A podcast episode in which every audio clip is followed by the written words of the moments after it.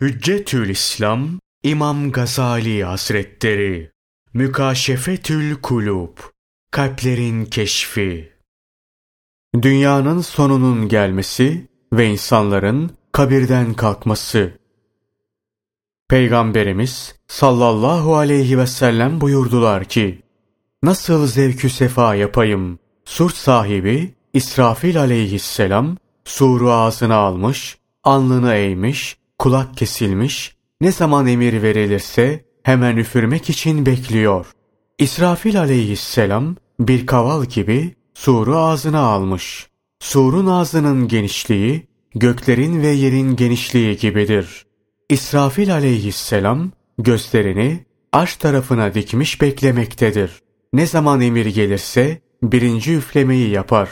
Bu birinci üflemede göklerde ve yerde ne kadar canlı varsa korkudan hepsi ölür. Yalnız Allah Celle Celaluhu'nun ölmesini murad etmediği canlılar kalır. Bunlar Cebrail aleyhisselam, Mikail aleyhisselam, İsrafil aleyhisselam ve ölüm meleği Azrail aleyhisselamdır. Sonra Allah Celle Celaluhu ölüm meleğine sırasıyla Cebrail aleyhisselamın, Mikail aleyhisselamın ve İsrafil aleyhisselamın ruhlarını kabz etmesini emreder. Daha sonra ölüm meleğinin kendisine emir gelir, o da ölür. Bundan yani birinci üflemeden sonra ikinci üflemeye kadar bütün mahlukat 40 sene böylece kalır. Sonra Allah Celle Celaluhu İsrafil aleyhisselamı dirilterek ikinci üflemeyi yapmasını emreder. Şu ayet-i kerime bize bu her iki üflemeyi de ispat eder. Birinci sura üfürülmüş, artık Allah'ın dilediklerinden başka göklerde kim var, yerde kim varsa hepsi düşüp ölmüştür. Sonra ona bir daha üfürülmüştür. O anda görürsün ki ölüler dirilip ayakta bakınıp duruyorlar. Canlılar ayakları üzere durup dirilişe bakarlar. Peygamberimiz sallallahu aleyhi ve sellem buyurdular ki ben peygamber olarak gönderildiğim zaman sur sahibi İsrafil aleyhisselam geldi. Sura ağzını koydu. Bir ayağını ileri attı, bir ayağını geri. Bekliyor. Ne zaman üfleme emredilecek ki? Üflesin. Ey ümmetim! Surun üflenmesinden çekininiz. Düşün şimdi mahlukatın o günkü halini. Üfleme sonunda korkudan ani olarak ölecekler, tekrar dirilirken bu korku yüzünden meskenete ve zelilliğe düşecekler. Haklarında verilecek, mesut veya şaki hükmünü bekleyecekler. Sen de onların arasında bulunacak, onlar gibi perişan, onlar gibi şaşkın bir durumda kalacak, belki de dünyada zevkü sefasına bakmış, yemiş içmiş zenginlerin birinden olacaksın. O gün yeryüzünün zalim hükümdarları, insanların en zelili, en alçağı ve en hakiri olacaklar. Tohum tanesi gibi ayaklar altında sürünecekler. Bu anda vahşi hayvanlar dağlardan, çöllerden sökün edecekler. Başları eğik, insanlara karışarak, günah işlemiş olmadıkları halde hor ve hakir olarak mahşer yerine gelecekler. Ani ölümün ve üflemenin verdiği korku onları şaşırtacak ve halktan ürkmeyecekler, kaçmayacaklar. Şu ayet-i kerime bu gerçeğe işaret etmektedir. Vahşi hayvanlar bir araya toplandığı zaman sonra şeytanlar ve inat ve kibir yüzünden iman etmeyenler görünecek. Korkudan Allah Celle Celaluhu'nun şu ayetini teyit etmek üzere izana gelecekler. Rabbine yemin olsun ki biz onları da şeytanları da elbette mahşerde toplayacağız. Sonra onları kesinlikle cehennemin etrafında dizüstü hazır tutacağız. Orada durumunu ve kalbinin halini düşün ey insan. Sonra bak, mahlukat dirildikten sonra yalın ayak, çırılçıplak ve sünnetsiz olarak mahşer yerine sevk ediliyorlar. O mahşer yeri ki bembeyaz ve pürüzsüzdür. Ne insanın arkasına saklanabileceği bir tümsek ne de gözden kaybolmasına yarayacak bir çukur. İnsanlar bölük bölük oraya sevk edilirler. çeşitli sınıflardaki yaratıkları muhtelif yerlerden toplayıp oraya sevk edecek Allah'ı tesbih ederiz. Birinci üflemeyi ikinci üfleme takip eder. O gün bu kalpler, bu gözler korkacaklar. Peygamberimiz sallallahu aleyhi ve sellem buyururlar ki, Kıyamet günü insanlar bembeyaz, dümdüz ve pürüzsüz bir yerde haşrolunacaklar. Bu yer, bugünkü yeryüzü gibi olmayacaktır. Şanı yüce olan Allah Celle Celaluhu buyurur ki, O günkü yer başka bir yere, göklerde başka göklere tebdil olunacaktır. İnsanlar kabirlerinden kalkıp bir olan, kahhar olan Allah'ın huzurunda toplanacaklardır. Allah Celle Celaluhu ondan razı olsun. İbni Abbas der ki, Yeryüzünde ilaveler ve eksiltmeler yapılır. Dağlar, taşlar ve dereler yok edilir. Bir sahtiyan haline getirilir. Gümüş gibi bembeyazdır. Üzerinde kan dökülmemiş, günah işlenmemiştir. Göklerin güneşi, ayı ve yıldızları yok olur.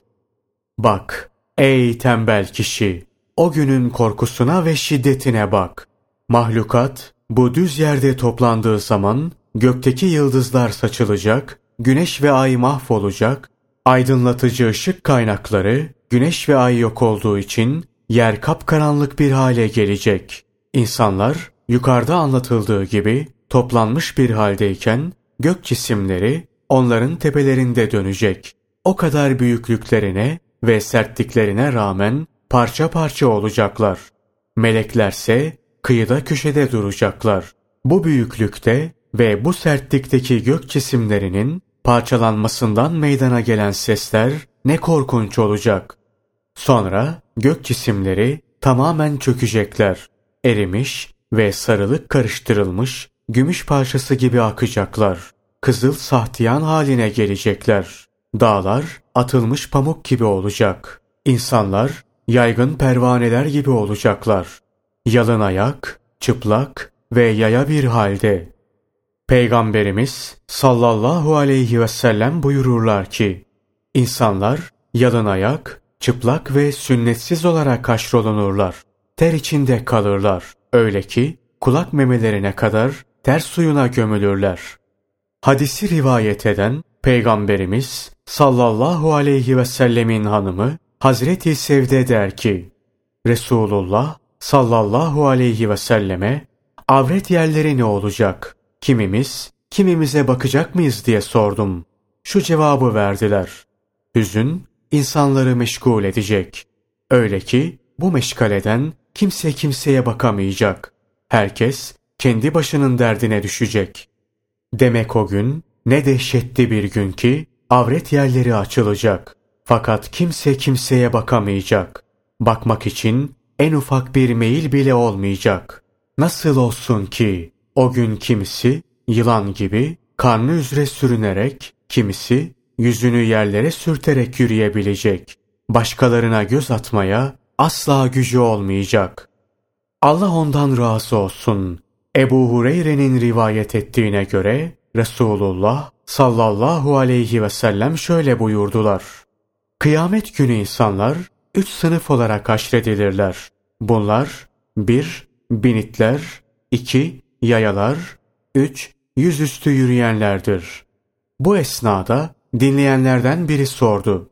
Ey Allah'ın Resulü! Yüzüstü nasıl yürürler? Resul aleyhisselam buyurdular. Onları ayak üzere yürüten, yüzüstü yürütmeye de kadirdir. İnsanoğlunun tabiatında ünsiyet peyda etmediği, alışmadığı şeyleri inkar etme hassası vardır. Öyle ki mesela yılanın ayaksız, karnı üzerinde sürünerek yıldırım gibi gittiğini görmüş olmasa, ayaksız olarak yürümeyi tasavvur edemez, inkar eder. Ayak üzerinde yüründüğünü görmemiş olan bir insanca, bu da ihtimal dışı bir şeydir. Kıyamet gününün anlatılan acayip hadiseleri, dünyada vuku bulanlara uymadığı için sakın inkara kalkışma. Çünkü dünyada bile vuku bulan birçok hadiseleri müşahede etmemiş olsan ve sana böyle bir hadisenin olacağı anlatılsa şiddetle inkar edersin. Şimdi kalbinde kıyamet günündeki halini şekillendir. Sen çırılçıplak, zelil, hor ve hakir ve şaşkınlık içinde ayakta duruyor ve hakkında verilecek hükmü bekliyorsun. Sonunun ya mutluluk ya da bedbahtlık olduğuna karar verilecek. O andaki bu hal fevkalade bir haldir. Bunu böylece değerlendir. Sonra mahlukatın o andaki izdihamını düşün. Yedi kat gök ve yedi kat yer ehli, melekler, cinler, insanlar, şeytanlar, vahşi hayvanlar ve kuşlar orada toplanacaklar.